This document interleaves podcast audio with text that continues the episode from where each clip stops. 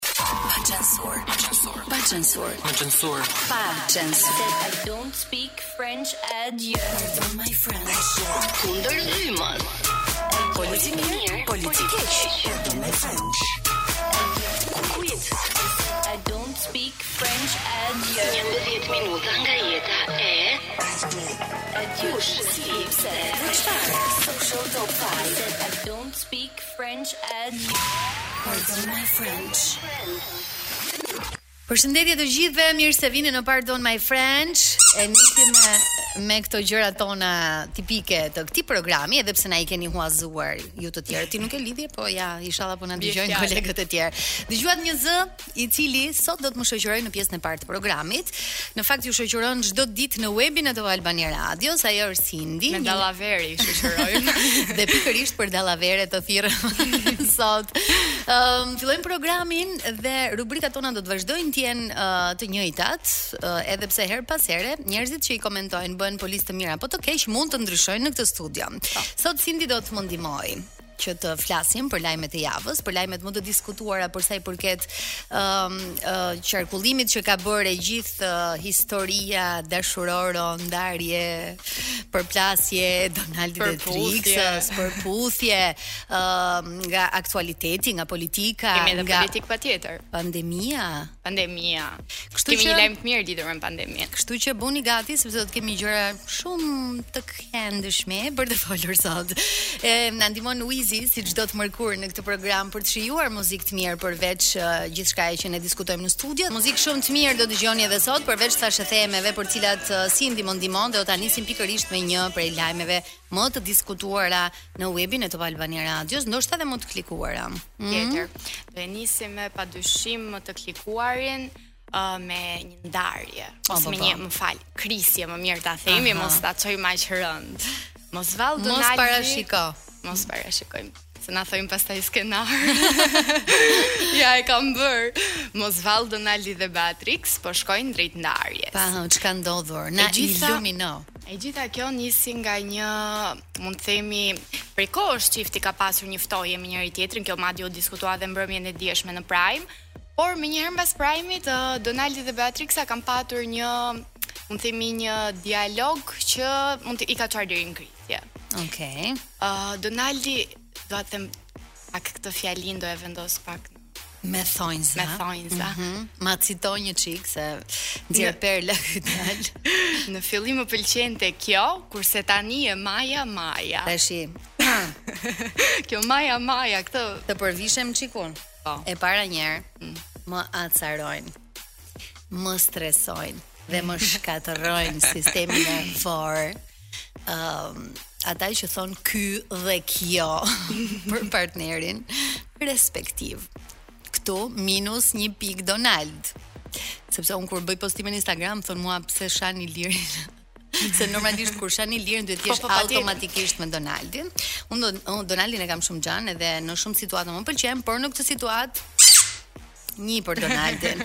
Tjetra ishte Maja dhe Maja. Maja Maja. T'i përvishem dhe njëherë këtu, Maja Maja, tani. uh, si e shoh un aspektin tim uh, vajzëror dhe dashuror. Kur je në një marrëdhënie, sigurisht që nuk mund të jesh i përkushtuar, i fokusuar, i dedikuar dhe le ta themi si qyrre 24 mhm. orë, por në një moment të caktuar, uh, duhet t'i kushtosh pa diskutim vëmendje uh, asaj apo atij që ke në krah. Ë uh, sigurisht që Mendoj se Triksa e ekzagjeron pak me këtë vëmendjen e e kërkuar dhe të të, të shumë kërkuar, le ta quajmë kështu, por ndoshta e ka vënë re ajo ftohjen dhe ka një arsye që kjo goca po kërkon vëmendje. Nuk e di a ka ndikuar ajo. E kërkon vëmendjen edhe nga qingji madje. Po. edhe nga një mizë që fluturon rastësisht aty në shpi.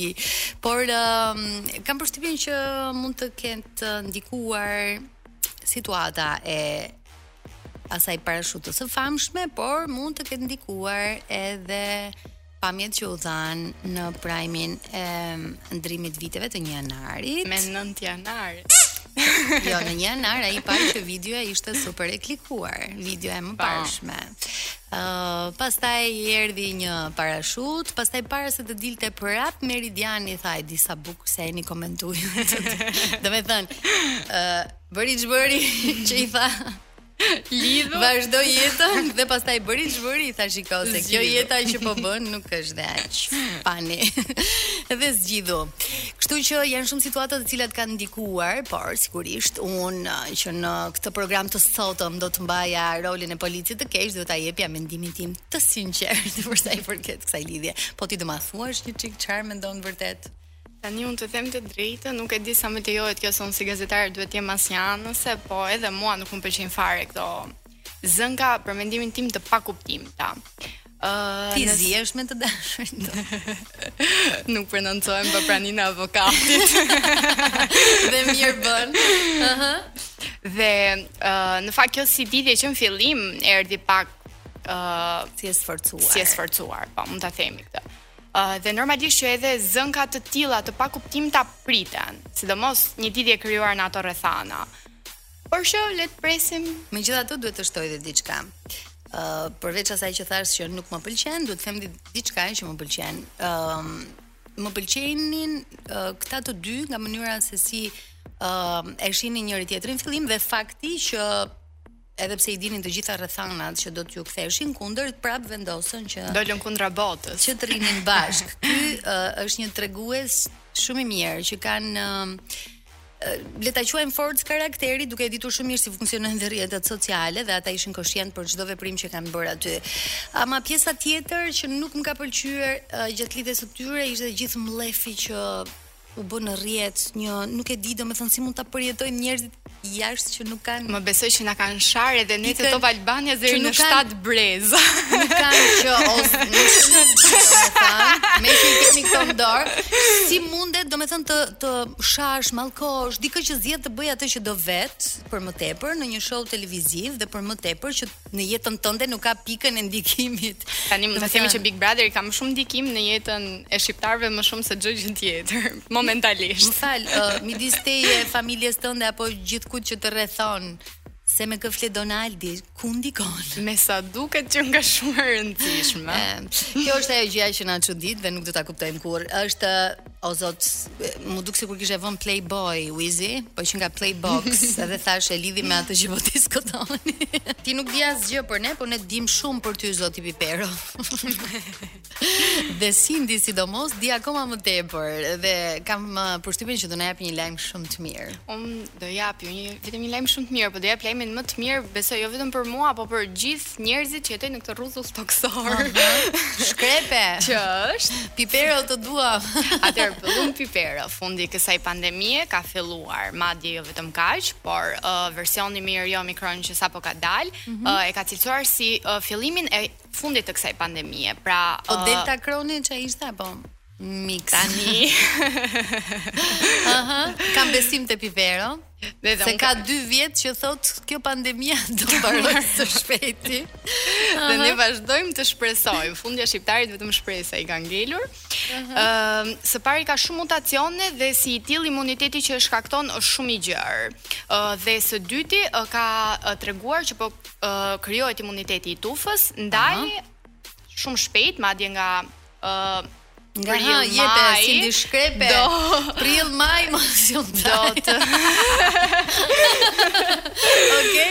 uh, mund të jemi të çliruar nga kjo. Përfundimisht. Pra, sapo na dhe një lajm të mirë, jo vetëm për të gjithë ata që kanë të afërmit të smur edhe që po e kalojnë në këtë periudhë uh, Omikronin, Covidin, variantin e ri, ku di un se si ta quajmë, se dolën shumë variante, por i dhe një lajm të mirë edhe bizneseve dhe këtu ndalem edhe një herë si çdo të mërkur. Unë dhe Wizi kemi shumë interes në këtë pikë. Edhe na vjen mirë që Njerëzit do hapen ashtu siç duan deri në mëngjes. Apo jo Wizi, u shkri fare tani. Le të lëmë data në prill dhe maj. Fjala shumë e mirë e Piperos na bëri akoma më optimist për muajt që na presin. Sindi, çfarë ka ndodhur tjetër këtë javë? Na informo. Tani mua nuk ma ndan shpirti. Kujt do t'i biem? Nga Big Brother. Vazhdo ti me tënden. Kush është tjetër nga Big Brother? Atëherë një këngë e re do të dalë së shpejti. Okej. Okay. Dhe është pikërisht për Monikën. Pra, të gjithë ju që nuk e dini, Monika përveç se kërkoi ta takonte nga afër këtë pilotin e famshëm. të parashutës, donte t'i bëje edhe një këngë këtij pilotit, domethënë edhe ja ka plotësuar Elgiti dëshirën. Elgit Doda. Mm -hmm. Po pas kërkesës së Monikës në fakt gjatë një mbrëmje që u organizua që Monika dukej se ishte shumë në qef, ajo kërkoi publikisht që të bëhej një këngë për pilotin dhe uh, kërkesa nga Elgit Doda u plotësua. Këngën ende nuk e kemi dëgjuar, por Pritet Tani, të na vijë së shpejti. Duke u nisur nga Ti Lea, besojmë se do ketë shumë sukses. Duhet ta marrim parasysh që edhe kjo dashuria platonike mund të jetë burim frymëzimi për të krijuar një këngë shumë të mirë për pilotin e famshëm tashmë të Monikës. Në fakt un um, nuk e di pse mendova që ishte Xhonatani, djali i Alket Islamit, ai që mhm, bënte mhm, këto mhm. lëvizjet sipër shtëpisë, por jo ë uh, dhe më mirë, domethënë se Xhonatani është pak i vogël për Monikën. pak si shumë i vogël për Monikën. ë uh, si mendon Wizi, ta shkrepim dhe një lajm apo dëgjojmë muzikë? Shkrepe Sindi, i kemi plot e për plot të duart me lajme. Atëherë unë do ta shkrep, do të largohemi pak fare nga Big Brother, se do kthehemi prap. Tek Eurovisioni. Okej. Okay.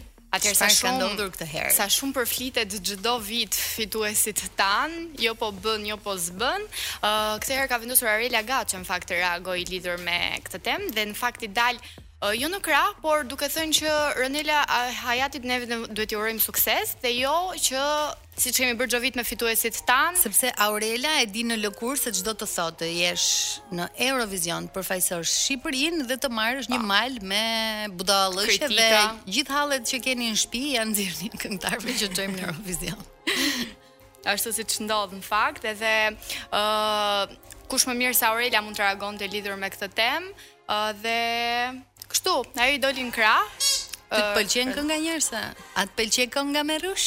Ma, ma më pëlqen shumë kënga, në fakt është një risi e këtij Eurovizioni, është një këngë që nuk e para se kemi pasë më parë. E nuk do qajmë në fund, edhe presim një performancë befasuse besoj nga Ronela patjetër. Ke shumë të drejtë. Go Ronxhi. Hëmo na e vure në sfond, a ça jem. Shumë dallavere kemi për sot.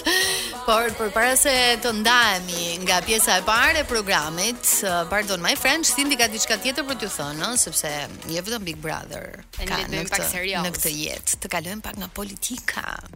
Atëherë do kalojmë tek një ngjarje politike që të themi të drejtën ka qenë në aktualitet edhe ka qenë kryefjala e gjithë mediave, që është pikërisht ajo çfarë ndodhi në selinë e Partisë Demokratike, ku kemi dy një përballje titanësh. Shqepit, nami i zi. Aha, ku uh, ish kryeministri i vendit tonë Sali Berisha uh, në protestën që ndodhi, ë uh, bashkë me protestuesit ka shqyer dyer e dhunshme që ndodhi, e dhunshme. E, e dhunshme, le ta quaj. Mos ta zbusim dhe aq situatën, ëh. Dhe uh, para se të ndodhte kjo protestë e dhunshme dhe para se të shqyeshin dyert, uh, Sali Berisha ka thënë vetë përmbahuni. dhe pastaj janë shqyer, okay. ka thënë ai. E paska thënë si fjalë. Uh, tani shqiptarët, po edhe njerëzit në përgjithësi thonë që kur zihen dy vetë, uh, qesh një i tretë. Dhe është dhe fiks rast, dhe është fiks ky momenti, domethënë duket kush është i lumtur. në këtë përballje titanësh, siç the edhe ti, por unë në këto lloj përballjesh ende nuk do ta kuptoj dhe nuk do të arrij të kuptoj këta njerëzit që lëshohen dhe uh, sakrifikohen. Sa mirë do ishte që shqiptarët të mblidheshin për halle të vërteta dhe thyen gjëra duke uh, u ndjekur nga lider partish, uh, prej të cilëve nuk kanë pasur asgjë uh, në terezi në 30 vite politikë në Shqipëri. Ajo që është e çuditshme është që nëse e thërret një protestë një kryetar ose një lider partie, uh, shqiptarët janë për t'u çuar në protestë, por për të qarë disa halle pak një çik më të rëndësishme si ushqimi apo se s'keni ujë, se s'keni drita, se u rrit çmimi i naftës. Bukë të hani, se nafta iu Ka sa fiu. Domethënë, nuk ka problem. Nëse thërret i modhi, i modhi, lëshoni. Njëri nga titan. Nuk do t'i kuptoj ndonjëherë shqipot. Në këtë pikë, megjithatë, ne këtu nuk jemi për të ndryshuar dhe për të rrotulluar botën dhe për të shpëtuar pandat në zhdukje. Thjesht japim mendimin tonë të sinqertë në këtë program që sot Wizi na e bëri dhe më të këndshëm me muzikën që ka zgjedhur. Kështu që uh, Cindy unë të falenderoj me gjithë zemër që ishe me mua sot. Ne uh, do kishim bërë një çik më shumë rrëmujë, po të ishim më shumë goca nga webi, por Klisela na ishte një thombi për drejtpërdrejt. Vazhdoj unë të kam bul te Klisela. Ë uh, jeni shumë të mira, të gjitha ju gocat e webit sepse mbani të updateuar të gjithë të ata që kanë zgjedhur të informohen me Top Albania Radio, të dëgjojnë muzikën e Top Albania Radios, të futen tek webi, të lexojnë, të dëgjojnë muzikë në të njëjtën kohë po. dhe të bëjnë dhe uh, thashetheme komente dhe ku të duan në një nga rrjetet sociale më të komentuara në Instagram që është faqja e Top Albania Radio. Ofrojmë shumë dimensione. Sa të bukura i bëni ato meme. Dhe meqë ra fjala te memet, ëm um, Përpara se të dalin nga shtëpia këta të bigut, uh, ruaj, ruajni memet pasi t'i kemi ftuar në radio. Okej, ma jep këtë premtim. Se ndodh për shembull që që zgjedhin të mos uh, vijnë. Ua, te Top Albania do vij unë, po, po se ju keni bërë një meme. Po meme është. Domethënë, Është humor, është shumë humor. Edhe meqenëse jemi live tani, mund të bëni dhe për mua ndonjë meme se i kam shumë qejf. Domethënë do thuash ti nuk është se je dhe aq e rëndësishme, pak humor të zi.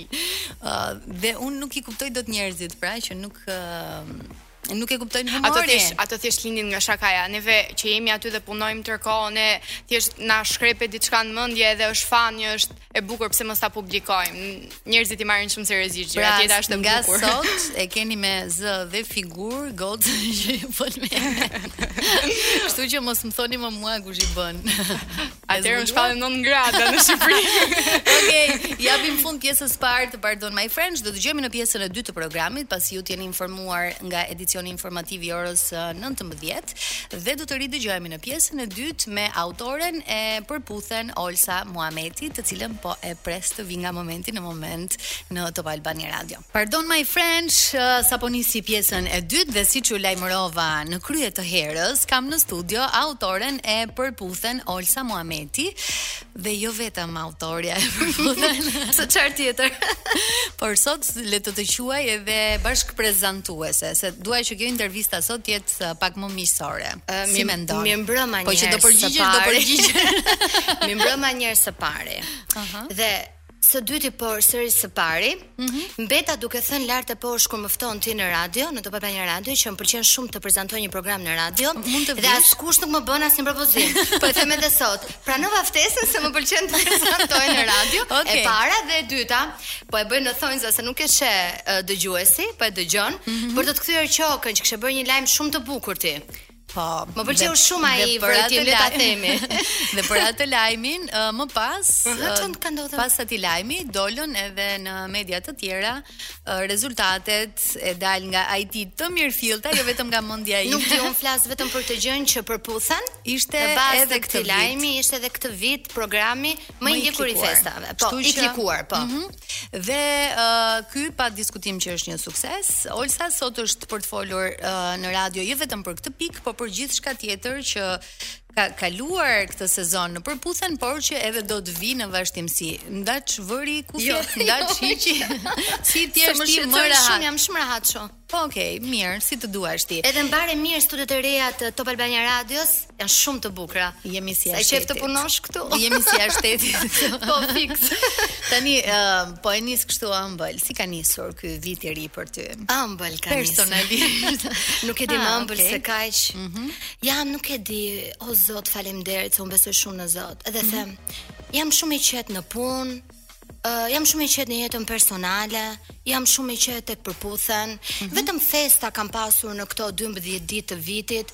Ë uh, uh, ndoshta po më vjen si një baraspeshim i fillim vitit të shkuar që ka qenë mund të them një nga periudhat, jo mund të them, po periudha më e vështirë e jetës time, e ndoshta sa duket universi t'i baraspeshon ndjenjat.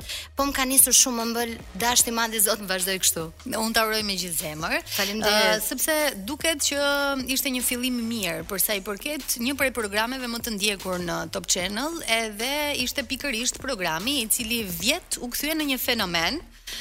Dhe askujt nuk i shkoi në mendje që një program i thjeshtë dating me njerëz të panjohur do të kthehej pikërisht në uh, qendrën e vëmendjes së Po që s'na shkoi në mendje. Gjithçkaje që po ndodh. Ja, ty në fakt le ta themi, nuk ose uh, mund të ma thuash nëse vërtet e kishe menduar që do të ishte do të kishte atë lloj impakti apo Unë si gjithmonë kam dëshirë që të bëj dhe sjell gjëra të reja, ky ka qenë qëllimi i parë. Ë, uh, Sigurisht ti kur fillon një program të tillë, beson që do bëj pak zhurmë, se të bësh për herë të parë dashurinë në ekran në Shqipëri, detyrimisht ti e mendon që zhurmë do bëj. Mm -hmm. Por ti nuk e di se deri ku do shkoj. Edhe rritesh edhe eksploron bashkë me programin që bën. Kështu është edhe Përputhen.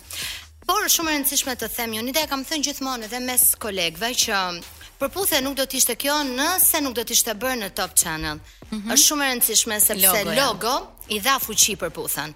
Kështu që, domethënë, është e dy është e një është e dyanshme, pra jep dhe merr. Dhe kam thënë dhe vazhdoj ta them që uh, fakti që ishte momenti i duhur, ishte vendi i duhur, edhe erdhi Përputhen. Tani e kemi si erdhi, po. domethënë, edhe uh, që po përflitet kaq shumë. Tani me nisjen e Big Brother, u duk sikur vëmendja u zbeh në fakt, edhe në rrjet po flitet sikur jeni dy programe rivale brenda të njëjtës logo. Ti si e komenton këtë gjë? Um, unë nuk mendoj që ne jemi program rival. Së pari është përputhen është komplet një program i tjetër lloji dhe Big Brother është një program i tjetër lloji. Sigurisht ne jemi reality, të dy programe, ndoshta kjo është arsyeja pse të gjithë kërkojnë dhe duan të gjejnë rivalitet mes këtyre dy programeve. Por Big Brother është 24 orë content, ndërsa përputhen është vetëm një orë content, kështu mm -hmm. që këtu nuk mund të kemi se si të jemi rival. Së pari, së dyti unë mendoj që Sa më të suksesshëm të jenë programet brenda një televizioni, aq më shumë rritemi të gjithë. Pra unë mendoj që thoja një periudhë. Uh, kur patëm ne një lloj ishte një bigu që pati një shpërthim. Mm -hmm. Pastaj erdhi përputhen një shpërthim dhe kjo ndodhi pas dy javësh dhe thoja, çuna s'ka. E rëndësishme është që plas në top. Një plas bigu, një, një plas, plas përputhen, plas brenda topit. Pra në qoftë se përputhen, ne e thonim dhe më herët që Fakti që përputhen u bë program i suksesshëm, sigurisht do ndihmonte edhe programet e tjera të rriteshin më shumë. Sepse ë ndoshta ai publik që nuk e kishte kthyer kokën nga topi, e ktheu kokën nga topi. Po themi duke parë këtë program dhe do shikonte të tjerët. Nëse kishin mbetur ende pa kthyer kokën mm -hmm. tek topi, e kthyen përmes bigut okay. dhe duke parë bigun do shohin dhe përputhen. Pra, është diçka, është një është bumerang. Pra nëse ka sukses një program do kenë edhe të tjerët. Mm -hmm. Nëse nuk ka, vështirë është që të bëjnë edhe të tjerë. Kështu që nuk e kam parë shumë si konkurrencë Bigun me Përputhen. Mm -hmm. Po e, e sheh që i është zbehur pak vëmendja që prej nisjes së, së Bigut. Ti, mund... ti vetë si e ndjen? Unë mund të them që ka qenë një moment, ka qenë një moment kur nis, jo kur nisi Bigu pak javë pas nisjes së mhm. Bigut, që sigurisht vëmendja uh, kaloi te Big Brother. Por tani ndjej që secili nga programet ka rrugën e tij, ka fansat e tij, ndoshta mund të jenë dhe të njëjtët, mm -hmm. asnjëherë këtë nuk e bëjmë dot këtë lloj përllogaritje. Po sigurisht që Bigu ndikoi tek Përputhen, por mendoj që Përputhen ka kaluar dhe ciklin e fenomenit. Okej. Okay. Ka kaluar ciklin e fenomenit, tani është ai programi, më thon Ori dikur. Olsa di si është tani Ori Nebijaj mm -hmm. që ulet këtu çdo mëngjes, po, më i ka fiks aty ku je ulur ti. Më thonte Olsa di si është Përputhen tani?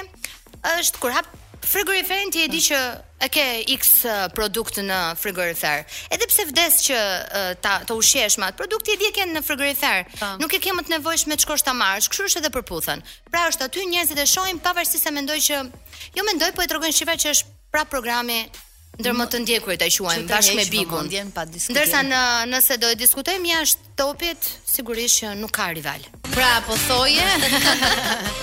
Ku e lam tek konkurrenca. Dhe meqë jemi në një emision në uh, gjysëm uh, francez, me pardon my French. Ehm, um, po thoje që sigurisht brenda të njëjtës logo Olsa Muhameti për të gjithë ju që po dëgjoni në këtë moment. Sapo kanë hyrë në makinë siç më ndodh mua që them kush është ky zëri, sa e njoh këtë zërin, edhe kur pastaj arri për mes të intervistës të kuptoj kush është i ftuar. Kështu që thuajeni atë emër. Po flisnim për konkurrencën. Pra brenda televizionit sigurisht që nuk ka konkurrencë për tu parë kush është. Nëse një nga programet është i suksesshëm, bën televizionin, ndihmon njëri tjetrin dhe tjetri suksesshëm, por jashtë logos së Top Channel. Ka konkurrencë autore e Përputhen. Ke ndjerë konkurrencë nga programet e ngjashme. A di si është puna Enida kur vjen from the bottom you are here now? Okay. Ëh, ti arrin edhe të duhen të duhen disa të duhen disa ndodhi ngjarje, evente, persona që ti të konfirmosh veten tënde mbi të gjitha. Unë kam dashur të konfirmoj veten gjatë gjithë kohës, pra, ndoshta a bëj, a di, a kam fat, a çfarë, a qysh, a tek. Dhe jam kam një gjë ndryshe, mendoj nga disa të tjerë të cilët e kanë arritur suksesin shumë shpejt. Mendoj mm -hmm. unë si person, po i bie pak gjatë, po do të vij tek thelbi, po, mos po. harro. Ë, uh, mendoj që un kam një të veçantë nga të tjerë që kanë arritur suksesin shpejt, sepse un shkoj në darkë në shtëpi dhe reflektoj dhe mendoj. Dhe them pse erdhëm deri këtu, pra si pasojë çfarë. Dhe në këtë lloj analize, po, kam analizuar gjithmonë unë kam parë konkurrentin në gjatë kohës kur kam kur kam mësuar që nisi një program tjetër, kam qenë vigjilente. Zakonisht koleg të e të tjerë më kanë thënë që Olsa mos u shqetëso se nuk këta nuk të bëjnë gjë, nuk, po. Ti vazhdo je ok në punën tënde. Jo, jo, kam thënë unë është konkurrent, do po. ta shoh si të tillë. E kam parë si të tillë, por pastaj më ka zhgënjyer rrugës. Okay. Mua më pëlqen shumë konkurrenca sepse kështu më rritet sfida. Mm -hmm. Por aktualisht Përputhen nuk ka konkurrencë, më vjen shumë keq ta them këtë sepse Po të kishte pak më shumë konkurrencë, përputhen do të isha akoma më e bukur, mendoj. Okej. Okay. do ishe lodhur pak më tepër dhe nuk do pushoje këto 12 ditët e para të janarit. Të kisha marrë, domethënë do e kisha marrë më pak pushime të fillimvitit. Tani të kthehemi prapë brenda uh, topit edhe ndonjëherë është dukur sikur studiot midis uh, Big Brother dhe përputhen janë ndërruar. qoftë nga uh, konkurrentë të përputhen, të cilët janë bërë pjesë, rasti i Antonelës, por uh, Ardeu po ashtu që nuk kishte pikën e lidhjes me Bigun dhe prap u bë pa dashur pjesë, edhe si të ka bërë të ndihesh ky fakt? Uh, si më ka bërë të ndjehem Nuk është se më jep ndonjë një mhm. ndjesi mm -hmm. apo efekt kjo që po thua Thjesht mendoj që Përputhen në bashkëpunim me Top Channel mm -hmm. Kanë prodhuar personazhe Dhe padyshim që këto personazhe të përdoren po brenda formateve të Top Channel. Okej, okay, uh, ti besoj që ishe dakord që personazhet e Përputhen të ishin pjesë e një formati të tillë. Sigurisht që po, mm -hmm. mua më pëlqente, më pëlqente absolutisht ky fakt. Edhe më pëlqeu edhe që Antonela u bë pjesë e Mendon se ishte zgjedhja e duhur Antonela? Po, mendoj që ishte zgjedhja e duhur. Nga ish përputhësat, mendoj që Antonela ishte zgjedhja e duhur. Për shumë arsye, është gjë tjetër pastaj se çfarë përfaqësoi Antonela në Big Brother. Mm -hmm. Por mendoj që ishte zgjedhja e duhur. Nga sa i njoh unë konkurrentët e përputhen. Dhe ia doli mjaft mirë që të ishte fjalë kryesore. Ë, uh, megjithatë do të flasim pak tani për këtë uh, pjesën e kaluar të një sezoni të suksesshëm. Besoj që Të ka mësuar gjëra, çfarë uh, mësove nga sezoni i kaluar i përputhen që vendose të ah. mos e bësh këtë sezon? A e di çfarë? Unë si natyrë, jam pak natyrë Gjithmonë kështu thoja kur mora përsipër uh, autorësi programesh, obobo, Olsa nuk do të marrin seriozisht. Se unë kam shumë qejf bëj gallatë në punë, bëj gallatë mm -hmm. qesh. Pavarësisht se me kalimin e kohës kjo të largohet, sepse ti duhet të ruash një lloj serioziteti, stature, që njerëzit të të shohin dhe autoriteti, ë? Dhe autoriteti. Me sa duket autoriteti nuk qëndron tek fakti që ti duhet të jesh serioz, apo duhet të mbash të jesh duhet të mbash qëndrim. Mbash qëndrim jo nuk është kjo. Sa duket autoriteti lidhet me respektin. Mm -hmm. Nëse ti respekton ata me të cilët punojnë, ata do ta kthejnë mbrapsh. Kjo është e para dhe e dyta sa duket profesionalizmi. Pra këto dy elementë bëjnë autoritetin, nuk bën se ti qesh, se ti je moshë e madhe apo se ngre zërin kur apo se ngre zërin edhe pse ndonjëherë ndodh që ta ngresh të gjithë uh, ngre nga pak zërin kur duhet po përpiqem të punoj me këtë dhe kam punuar kam reflektuar kohët e fundit uh, mendoj që un me përputhasit e vjetër e ish përputhave kam qen tolerante kështu jam në jetën time të përditshme zakonisht toleroj edhe fal shumë mm -hmm. kjo me sa vura re u mor nga ata dhe u përdor deri diku, duke konsideruar si pikë të dobët, por unë nuk e kam pikë të dobët, unë e kam qef ta bëj këtë gjë dhe do vazhdoj të bëj sepse mendoj që falja është hyjnore mm -hmm. dhe duam të falim sa më shumë jetën tonë. Asgjë nuk marrim me vete. Këtë vit në fakt jam bërë shumë e sertë, ata nuk kanë asnjë lloj kontakti me mua. Të lësh takim me mua është më mirë të lësh me Edi Ramën se sa një përputhës takim me po, mua. Okay. Pikërisht që mm, të kenë mundësinë të më shohin më pak, edhe të kenë mundësinë të më njohin më pak. Duke më njohur më pak, nuk do m'i konsiderojnë pika të dobëta ato që janë pikat e mia të forta. Kështu që kjo është mënyra më e mirë. Ata kanë më pak kontakt edhe kështu që pra, komunikimi është më shumë me stafin, mm -hmm, edhe uh. jemi më më të qetë. Po ta vësh re ka më pak konkurrentë që më shajnë këtë vit. Nuk e ke vënë re pse? Ah, po. Kjo është arsyeja. Ja, nuk e nuk e kisha menduar këtë gjë. Dhe ke bërë mirë që ke reflektuar sepse duke pasur më pak kontakt me mua, arrijnë të kuptojnë edhe vlerën e të folurit me mua në fund të ditës. Vlerën jo se ku kush jam, mm -hmm. po vlerën e këshillës që un jap dhe mos e keqinterpretosh këshillën time. Ideja është që uh, vjet në fakt se ti uh, sapo e përmende ka pasur disa nga ish konkurrentët të cilët dolën të pakënaqur, por uh, un mendoj që në këtë pikë nuk ishte faji yt që Është dalim prap aty tek shkëlqimi i yllit. Besoj, edhe ka njerëz që e kanë atë yllin n'ball, qoftë në një program me personazhe që nuk njihen, në një program televiziv, qoftë edhe në uh, një program ku ti je afirmuar dhe ke vite që njihesh. Kështu që besoj disa nga këta të pakënaqurit kam përshtypjen që uh, ishin pikërisht këta që nuk kanë qenë uh... jo jo do emocioni, jo do jo do korrekt edhe me pjesën uh, disa personazhe dilnin nga përputhen dhe kërkonin fajtor dhe gjithmonë fajtori ishte Olsa. Gjithmonë sepse unë isha po them autoriteti më i lartë për ta, mm -hmm. sepse nuk shkonin më sipër. Pra, komunikimin me drejtuesit e Top Channel për vendime të ndryshme që ne merrnim për përputhen e kisha vetëm unë. Okay. Askush tjetër nga stafi. Dhe ata më shihnin mua si autoritetin më të lartë të Përputhen dhe nuk njihnin dhe Top Channel, po thonin Olsa është ajo. Dhe duke më njohur si të tillë kërkonin fajtor dhe sigurisht do gjuanin aty ku ishte më sipër që isha unë. E para ishte kjo. Dhe e dyta arsye pse akuzonin Olsën dhe produksionin ishte sepse kështu do dilnin nëpër lajme, do të klikoheshin dhe do të merrja Ndërkohë që s'u klikuan dhe do që jo vetëm mund të ishin të klikuar gjatë programit, por nuk e kishin më këtë pasi largoheshin nga programi. Dhe kur largoheshin ju mungonte ajo vëmendje e madhe që merrnin nga Përputhen, nga uh, lajmet, nga Instagrami mm -hmm. dhe e kërkonin medoemos këtë dhe u bë preja më e thjeshtë Olsa duke thënë stërthënë gjëra që jo që s'kishin ndodhur, po as nuk i kisha fantazuar ndonjëherë që mund thonin. Kështu që stop it në këtë. Jo, në këtë sezon s'ka gjë. Ëh, jo, jo, stop ti me uh, po, po, afrimitetin po. me këta dhe dhe ke bërë shumë mirë. Uh, Wizi po na tërheq vëmendjen, do të kemi edhe pak publicitet uh, dhe ne do të jemi me Olsën deri në fund të këtij programi sepse kemi ende për të folur, jo vetëm për Përputhen, por edhe Një çik për jetën tënde personale. Po, oh, jo, këtu u prishëm tani. Vazhdojmë të jemi me Olsa Muhametin, autoren e Përputhen në Top Albania Radio dhe do të vazhdojmë ende të flasim për programin i cili ë uh, vazhdon të jetë i pari, më i klikuari për sa i përket uh, uh, programeve televizive. Ma përsërite këtë se nuk e kam më qëllim në vetvete, sinqerisht. Tani unë prandaj të ftova, do ta them vesh. o sinqerisht, e them shumë sinqerisht përtej modestisë, Nuk e kam qëllim në vetvete më këtë. Tani, të ndalemi një çik tek ky sezon. Pse vendose të riktheje të vjetrit?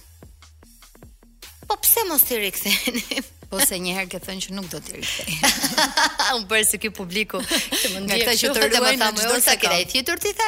Jam dakord e pranoj, unë jam një që e pranoj. Mm -hmm. Unë kam thënë në fund të sezonit të shkuar që nuk ka asnjë të ri në shtat, asnjë ish përputhës në shtator, mm -hmm. sepse kërkonin të gjithë të riktheheshin. Po dhe nëse ne përputhur të shkretët. Dhe nëse ne do t'i rikthenim që në shtator, kjo do të tregonte që vërtet po bënim hajde aty mblidhemi edhe bëjmë sikur. Pra, kjo do ta komprometonte programin. Mm -hmm. Ndërsa rikthimi i ish përputhësave në janar kjo nuk e komprometon programin as për faktin që siç disa e kanë justifikuar apo komentuar se një rënie të shikueshmërisë. Mm -hmm. Ideja është që disa ish personazhe me të cilët publiku është mësuar, pse jo të mos rikthehen, të cilët janë beqar. Kjo e bën programin. Nuk e ka kufjen, vendose pak kufjen të lutem se çfarë ka? Po më flet në një? Po. Aha. Pse je Lediane? O, po. Më shpërmal kjo kanë. Vetëm se ia di emrin. E di Onida që e kam kapur një herë veten sezonin e shkuar. Ëh. Mm -hmm. Isha po në shtëpi, e kam kapur edhe një herë. Ledi, ja, tani do merresh me Olsa. Ke fillu me këndu këngët e Mevlanit. Ia doli. Jo se s'kam ndonjë kështu preferencë për këngët e Mevlanit, po Nesa. Por ia doli Ledjana, se ishte fenomen. Ia doli. Domethënë ti vendose t'i riktheje këta personazhe, jo vetëm se nuk ishin përputhur, por që um, publiku në fakt i deshi. I deshi dhe pse jo të mos i kthenim nëse ata do të kishin dëshirë. Në fakt, dy personazhet që un kam menduar, mm -hmm. të mhm. parët kanë qenë Mevlani dhe Ana. Ana për faktin se nuk mundi dot ta kryente po themi rrugëtimin e saj në Përputhen prej historive mm -hmm. që ndodhën dhe përjashtimin që erdhi më pas dhe Mevlani e kundërta e Anës qëndroi gjatë gjithë sezonit dhe nuk mundi dot të gjente një nuse ose një të dashur. Për lesh kokë. Dhe nuk e gjeti dot as jashtë uh, nusen ose të dashurën, kështu që thamë, hajt ta provojmë një herë këtë sezon dhe nuk jam bërë absolutisht pishman. Ka shkuar mirë dhe po, janë Po ka shkuar shumë mirë, më pëlqen, ata janë janë bërë pjesë e grupit, akoma nuk janë bërë njësh, po janë uh, bërë pjesë e grupit dhe besoj që uh, hyrjet e ish përputhësave nuk do të mbarojnë këtu. Okej, okay, dhe me që jemi këtu, kush do hyjë? uh, në fakt kemi menduar këto ditët e fundit edhe si jo edhe si sinjale, por edhe si dëshirë e tyre, ndoshta të rikthejmë ish përputhësa të këtij sezoni dhe ta mbyllim mm -hmm. edhe me dy të tjerë. Okej. Okay. Dhe të mos ketë më këtë sezon. Sezonin e ardhshëm pastaj do të shohim, por mendoj që në çdo sezon do të ketë rikthime dhe duhet të jenë, pse jo? Pra dy të tjerët do jenë nga ky sezon. Po. Hmm. Besoj që po. Kush është larguar, bëjini një çik llogarit se do rikthehen. Ë, uh, me sa i ke parë, uh, cilët çifte mendon se kanë patur vërtet pëlqim? Ndoshta edhe nga ata që u lidhën realisht në program, por edhe këta që vazhdojnë të jenë. Dhe nga të shkuar. Duke i parë me syrin. Edhe nga të po. shkuarit. Mm -hmm. Ëh. Uh, uh, mendoj çiftet të cilët janë bërë publik. Pra Jasmina Andi, ëh. Mm Andi Melisa tanimë. Ëh, okay. uh, Bashkim Alvisa. Ëh. Mm Uh, ka edhe të tjerë të cilët mendoj që janë konsumuar ende pa i kuptuar dhe ne, po unë i kam kuptuar më vonë, po nuk dua të flas këtu. Mendoj aktualisht uh, Mikela Erion, Janë vërtet kanë pëlqim me njëri tjetrin, po po i koklavisin kaq shumë këto situata, kaq shumë sa nuk e di se si do shkojë kjo punë. Sinqerisht sepse siç që ka nisur punën. Po, sepse e shoh që ka vërtet ka vërtet ndjenja, ndjenja, po themi pëlqim të fortë, mm -hmm. se ndjenja ndoshta është herët për të thënë. Nuk e di si do shkojë kjo puna e tyre, por e çojnë Përputhen edhe ta zbulojnë. Tani uh, që prej uh, prezencës time tek studioja e Një këngë për ty, përpara se të fillonte uh, Pardon my French, më pyeti Adi Olsa vetë është përputhur. po çfarë rëndësie ka në fund e di çfarë them unë kështu në jetën time të përditshme kam kaq shumë adrenalinë sa kush do ma zëvendësojë këtë adrenalinë welcome. Okej. Okay. Ose më japë më shumë se sa kam praktikisht. Okej. Okay. Pra viti ka nisur qetë. Njerëzit që duan të ofrojnë adrenalinë sapo e dëgjuan këtë gjë. Ka momente që ke menduar të heqësh dorë nga ndoshta nga e gjithë lodhja, trysnia, edhe e gjithë zhurma që shkakton Përputhen. Jo, të heq dorë nuk kam menduar kurrë, po kam kaluar situata vërtet të vështira, sa herë pas here do t'i konsideroja trauma. Sinqerisht e mendoj këtë. Thonë që rrudhat e trurit mbartin shenja nga traumat që kalojnë. Mendoj që rrudhat e trurit tim Traumat e para i ka marrë nga Përputhen. E them këtë sinqerisht, domethënë trauma është ekzagjeruar. Mm -hmm. por kam kaluar situata vërtet vështira, vërtet që s'do ta kisha imagjinuar kurrë veten që do ndodhesha në këto situata, por mendoj që suksesi ka çmime dhe nëse ti nuk je i fortë për të përballuar çmimin e suksesit, nuk shkon kurrë aty ku duhet të shkosh. Çfarë mendon tani çfarë si e thashë? Çfarë mendon sikur jemi çfarë? E për e di çfarë thashë Jonida kur më ftove për këtë intervistë? Mm -hmm. Thashë e tmerrshme thashë do duket sikur jemi në një kafe dhe do po humbasim dhe po edhe do humbasim sensin e Por jo, uh, tani ne nuk do ta humbasim sepse uh, do ma marrësh një çik Elonën Duron Wizi se meqë nuk e kemi sot. të na bëjë dhe ajo pyetjet e saja, duke qenë se herë pas here Duke qenë se herë pas here është pjesë e Përputhen si opinioniste, uh, meqë ra fjala Elona më pëlqen shumë. si opinioniste. Mm? Uh, jo, e di çfarë, isha Nikita më shkruan sepse për Përputhen nuk ka kurrë pushim dhe nuk fle. Dhe pra ora është 8:20 Nikita, se ç'po më shkruan në WhatsApp? Në lidhje me Përputhen që diçka ka ndodhur në grupin e Përputhen ha, në WhatsApp. Kush ka ikur dhe pse? Jo, nuk ka ikur askush, po diçka ka ndodhur edhe më shkruan edhe do duhet të mbaroj programin të kuptoj çfarë ka ndodhur. Si gjithmonë Përputhen nuk fle. Nuk fle jo, as jo, natën, as natën. E kemi Wizi? Derisa të na vijë Elona, çfarë mendon për këtë mllefin e rrjeteve sociale? Je m apo je mësuar tani? Domethënë jo vetëm për ty, po edhe në përgjithësi kur i drejtohen njerëzve publikë. A mësohesh Jonida duke të thënë të raftë O zot, larg qoftë. Ë uh, të vdektë mamaja e tmerrshme ose dalsh me arkivol të kuq nga Top Channel. A mësohesh dot me këto, domethënë ti nuk mësohesh dot kurr. Nuk Dhe mendon që si ka mundësi ndonjëherë i bëj accept-it edhe nis të shkruaj dhe pastaj tërhiqem dhe them Olsa nuk ka nuk ka nuk, nuk të vlen, nuk të vlen. Nuk të vlen, thjesht ka dhe aq shumë mesazhe të mira.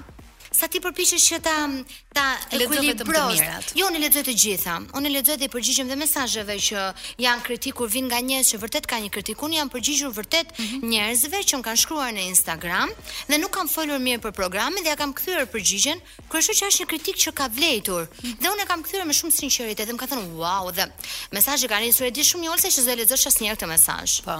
Ama ja kam kthyer përgjigjen, ja kam kthyer përgjigjen, por ky mllef është i tmerrshëm, mendoj që vjen nga njerëz që nuk kanë jetë, mendoj që vjen nga njerëz që kanë shumë xhelozi, por duhet të kuptojnë një gjë, një gjë.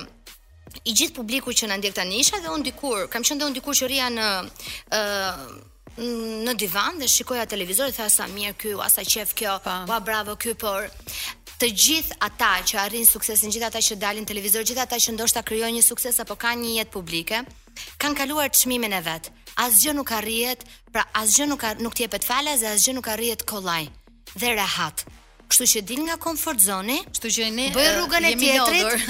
Bëj rrugën e tjetrit, lodhu dhe çfarë kalon dhe pastaj fillo ti gjyko atë tjetrën që është aty. Se ndonjëherë vjen nga xhelozia. Mund t'i vendosësh pak kufjet tani se kemi ë uh, investiguesen ton, Elona Duro. nga krevati i shtëpisë që po na gjykon. mirmbrëma Elona. Mirmbrëma, mirmbrëma Joni, mirmbrëma Olsa. sa do doja të isha aty, po kam përshtypjen nesër në mëngjes unë marr përgjigje negative të një tamponi dhe pastaj të Hajde, gjithë urojmë. shpresojmë, Atë ne urojmë. shpresojmë. Të rikthehem në radio edhe në televizion. Joni, të lutem më lejon fillim ta falenderoj Olsën se në gati 20 vite në televizion, domethënë kam qenë gazetare, prezantuese, ku di un ajo vajza çapkëne, e selektit e Top Festit, Po për herë të parë më ka dhënë dhe këtë statusin e opinionistes dhe kanë filluar njerëzit më shohin edhe më seriozisht. Edhe të shkon shumë, sidomos kur vesh kostume. Edhe kur vërtet pak. Nuk e kam menduar ndonjëherë veten në rolin e, e një gjykatëseje opinioniste, e nuk e di edhe me vërtet jam më rrin më rrin kjo veshje dhe më pëlqen dhe thank you Olsa. Asgjë e ke, e ke merituar mbi të gjitha, e di ti, aty vjen ajo që e meriton gjithmonë. Pyetja ime e parë është kë ke ftuar këtë fundjavë, këtë javë tek Prime, se unë nuk kam marrë ende një telefonat. Në fakt ky mendohet që do të jetë një prime, po ja ende s'kemi puntatat e tjera, po do të jetë një prime i fuqishëm me disa ngjarje që kanë ndodhur dhe do ndodhin.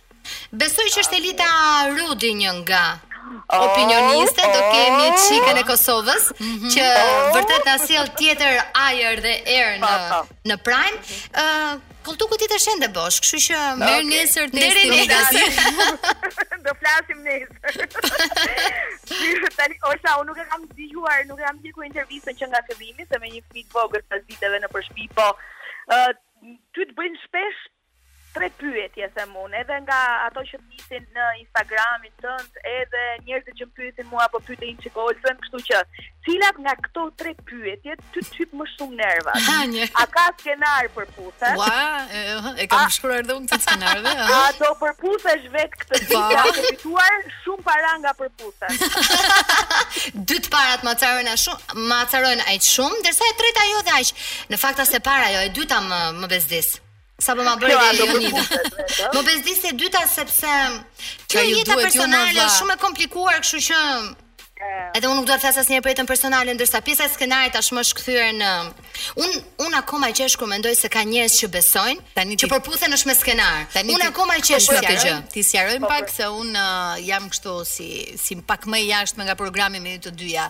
Si fillim, Duhet t'ju themi të gjithë atyre që po dëgjojnë që çdo program televiziv ka një skenar dhe një skalet, skalet. që nuk ka lidhje me fjalën që kam thënë unë atë që nxjerrin uh, konkurrentët dhe ata që vijnë aty në studio nga goja. Pra Elona kur është opinioniste thot atë që i shkrep mendja saj. madje, madje, madje unë ndonjëherë shkoj Olsës nga pas para programit them Kanë një Kan... ide, domethënë ku duhet të përqendrojmë, çfarë duhet të them, duhet të të të, të, të cilësoj diçka më shumë dhe diçka më pak, thot çfarë të të vijë, jepi aty, shif edhe bëj.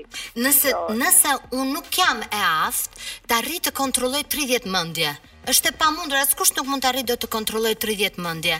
Pra, e bukura e përputhes, përputhe, përputhen, e kam thënë gjithmonë është realiteti dhe instinkti i momentit, çfarë të vjen të bësh dhe çfarë të vjen të të, të si të vjen si të, reagosh. të reagosh. Kjo është e bukura dhe ajo e bën interesante. Ti po fillove të komandosh këtë, komando atë, komando atë, mbaroi gjithë. Ke menduar ndonjëherë të dalësh në ekran? Me që jemi këtu. Ah, Nëse sh... mamore, mamore Shumë shumë herë më thon për këtë gjë, në fakt Kaq shumë herë po ma thon se ndoshta të bëhem opinioniste me Elonën në ndonjë prime, po, pse jo? Po të ketë ndonjë arsye pse? Ndoshta, ndoshta. Po në fakt Olsa, para disa vitesh prezantuese ke qenë në një ekran tjetër. Unë kam nuk e dim sa. Unë kam prezantuar, jo, e vërtetë është, unë kam prezantuar, kam prezantuar ë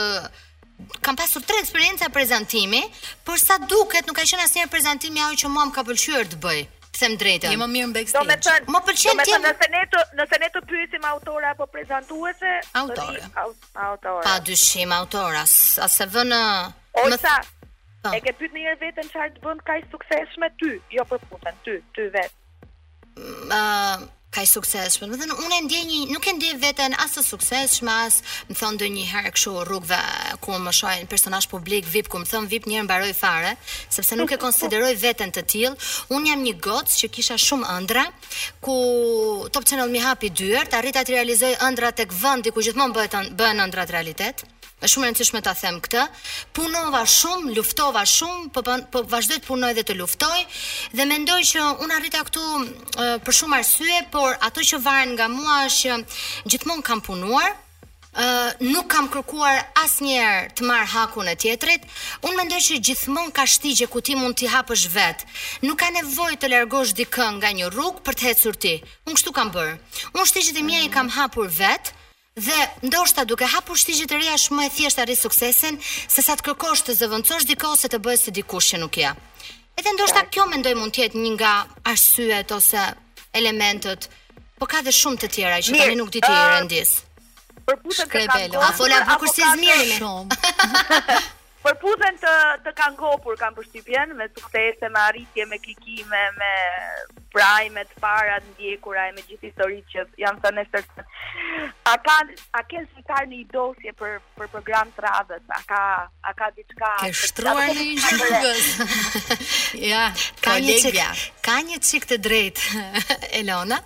Është ka qenë vetë Lori që tha që ne diskutuam pak edhe me të për ndonjë projekt mhm. që mund të sjellim. Okej. Okay. Po.